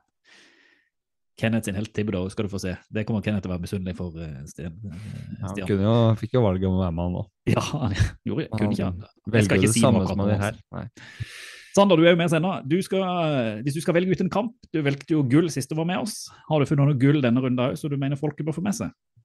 Uh, ja, nei, altså, det, det kan jo ikke toppe Goat Bowl, men uh, Eagles mot Cardinals uh, er jo en kamp til folket. Men Eagles har jo ja, kanskje det mm, per dags dato beste offense i NFL, og uh, Kyler Murray for uh, nøytrale fans er jo helt ekstremt morsomt å se spille. søndag, er det ikke? Mm, det er det. Det er senvindu søndag, ja. Få se det, ja. Ja, det, ja, det, blir, det kan bli spennende. Jeg ser jo Eagles som store favoritter, men eh, Cardinals er litt sånn wildcard, føler jeg, hvis de har dagen. Ja, det er vel, veldig dagsformaktuelt, føler jeg. Det tror, jeg tror Eagles tar den, men eh, jeg tror det blir en Ja. morsom kamp uansett. Mm. Ja, altså Cardinals dro vel i land en sånn ja, Er det Panthers de slo eh, Baker Mayfield, som er tragedie, og, og Cardinals som fikk i gang altså Hollywood Brown, eller Marquise Brown, som han Mm. egentlig heter. Han ser jo rimelig fin ut som en slags uh, DeAndre Hopkins-erstatter da han er tilbake, men de trenger han også for å, for å få litt liv i det angrepsspillet sitt. Men det forsvaret mot det Eagles-angrepet, det gleder jeg meg til å se. Om eh, de greier å stoppe, stoppe Snakker vi første som runder 50 poeng eh, den sesongen, eller? 50 Jeg tror- burger? Jeg tror ikke Cardens bør klare å stoppe Eagles. I, altså, det kan fort hende at vi ser at alle drivesene ender i, ender i enten field goal eller touchdown. Mm. Det er, altså, det er så skrekkelig dårlig, det forsvaret. Så, Ja, ja, 50 poeng minst, eller? Det, Philly, det kan komme her nå. ja, jeg håper det. Jeg håper skikkelig det. Det kan bli mye poeng da, for det er jo ikke Eagles det er ikke forsvaret de er kjent for. Kanskje skal tippe over 50 poeng her, Reir. Ja, da blir det under, så det kommer jeg ikke til å gjøre. Eh, som sagt, den har vi tatt før. Jeg tenker da for å gå liksom motsatt vei, jeg tenker jeg har, lyst, jeg har lyst til å velge en forsvarskamp. Eller det er jo kanskje ikke en forsvarskamp, men jeg ser det som en For det er jo av og til er det dritgøy å se forsvar i NFL. Og det laget som har vært et av de beste forsvarslagene de siste rundene, eh, det er jo Cowboys, som da møter eh, Rams. Eh, og bare det Rams som egentlig bør ta revansj etter å ha møtt kanskje det beste forsvaret i denne runden i 49ers, skal nå møte kanskje det nest beste forsvaret i Cowboys. Modererte det fra tidligere i dag? Altså, du, Ja, eh, nå, jeg tenkte jeg skulle være snill med det og si at Ja. eh, 49ers er det beste. Eh, men det, det er bare, det er jo en sånn spennende matchup å se hvordan de, de løser det. Det er en, eh, en meget anerkjent eh, ung trener og en trener som egentlig har sittet på litt på oppsigelse. Og så er det kanskje den anerkjente treneren, eh, unge anerkjente treneren i McWay som har kanskje mest presse på seg her i denne kampen. Eh, Jeg liker Så da- så godt hvordan Jerry Jones driver og snakker om Cooper Rush. ja. Har du sett Eh, det? Nei, altså, de er jo glad i han. Ja, men Ja. det er jo ikke bra nok. Nei. det er sant. Det holder jo ikke. Men han har vært god nok. eh, Han har jo altså, vært han god har nok vært nå. skikkelig bra de siste Mm. ukene. Utrolig nok. Eh, Så jeg har litt sånn Jeg Gå tror jo Rams tar den her, men jeg har litt sånn liten følelse for en til og med en liten upset fra Cowboys hvis det forsvaret leverer på liksom, det nivået de har gjort, og de holder det poengsnittet nede som de har gjort i de kampene de har spilt nå. Og Rams slet mot Niners. Det var, det var trått. Ja, det var definitivt trått, og de kom ikke ordentlig i gang. Ja, skal vi si uh, Cooper Cup leverte vel greit. Stafford uh, var for treig på avtrekkeren, og Aaron Donald kom liksom ikke helt oppi. Så de må ha noe fra stjernene sine. De må eh, trykke litt på nå mot Cowboys. Men jeg tror det kan bli en litt hyggelig, morsomt seinvindu å følge med på. Én kamp med masse poeng, og én med ganske lite, vil jeg tro, i Rams og Cowboys. Og så- Skal vi bare bli enige om å gi Thursday Night Football til eh, Kenneth, eller? Ja, han sier at det er noe feber hjemme og sånn, han må likevel stå opp midt på natta, og da spiller jo det er storkampen, den mest fantastiske kampen med, mellom eh, to tidligere MVPs, Colts og Broncos, Matt Ryan er og Wilson. død. Så sånn ut sist. Mm. Helt forferdelig. Kjedelig kamp og to dritkjedelige lag for tida. Men uh, vi har jo masse Colts-spillere på vår fantasy, så kanskje det kan være grunnen til at Kenneth bør sitte oppe og fortelle litt hvordan det går med Ja. Taylor og Pittman og gjengen. Vi skal gjengen. ha detaljert rapport, skal vi ha. Det skal vi. Så da vet dere iallfall hva dere skal se. Jeg vil jo kanskje anbefale å følge med oss Stian og Sanders sitt tips, og kanskje ikke det tipset Kenneth har fått i, i fanget. Ovalbanen. Fotball til folket. Da, Stian, ønsker jeg god tur til London. Det Takk. Nei da, jeg skal ikke banne. Det er min egen feil her. Men jeg, jeg er litt, jeg er litt bitter på at ikke, det, at ikke vi reiser sammen. Men vi skal ta det igjen. Vi, ta det. Vi tar det igjen. Ikke noe stress. Jeg skal eh, drikke nok øl for begge to. Det er bra. Så drar vi alle tre i gang, hvor det, hvor det passer seg. Så lover jeg å sende masse bilder, eh, både av meg og av kampen. Og gjerne hvis du møter noen eh, Det gjør jeg ikke, vet du. Nei, det gjør ikke det, vet du. Aldri si aldri. Sveiseblind kommer jeg til å være. Men eh, jeg anbefaler å følge oss på Oval Ballpod, iallfall på Instagram og, og Twitter eh, fremover. For jeg tipper jo at du, du må legge opp litt, ut litt oppdatering og litt sånne stories om hvordan det er å være på kamp i, i London. Du har jo vært der før, så du vet jo litt hva du, du har i Mm. vente. Kjøp meg powerbank også. Så Veldig smart. det, det tror jeg er lurt. Og ikke ta med deg sekk på stadion. Det skal jeg heller ikke. Jeg har faktisk en sånn liten Hva heter det? Manpur? Det er ikke purse. Litt, det er en sånn skulder... Liten sånn med plass til noe småtteri. Lom, lomme, hva heter det for noe? Lommetaske? Det er ikke rumpetaske heller. Rumpetaske var det. Det er, ikke, det er ikke sånn. Det er sånn liten en, liten en, da. Ja, så bra. Da Det er er, du fint. forberedt. Da er Jeg får litt tynn, får litt tynn hjemme for den, men eh, det er greit. Har du sånn? Eh, nei. Ønsker til jul. Kanskje jeg Ja, finner en til deg i fanshoppen her. Har Kan du få en Panthers? Lomme. Nei, vi eh, lar det gå der. Takk for, eh, takk for nå. Riktig god Nydelig. eh, tur. Og eh, fotball til folket. Fotball til folket. Do the Titans have a miracle left in them in what has been a magical season to this point? If they do, they need it now. Christie kicks it high and short. Going to be fielded by Lorenzo Neal at the 25. Yeah, give it Pitches to- it, back to Wycheck. He throws it across the field to Dyson. He's got something. 30, He's got something. 50. He's got it. 40, He's got it. 20, 10. He's got it. five, End zone. Touchdown Titans. There are no flags on the field. It's a miracle. Tennessee has pulled a miracle.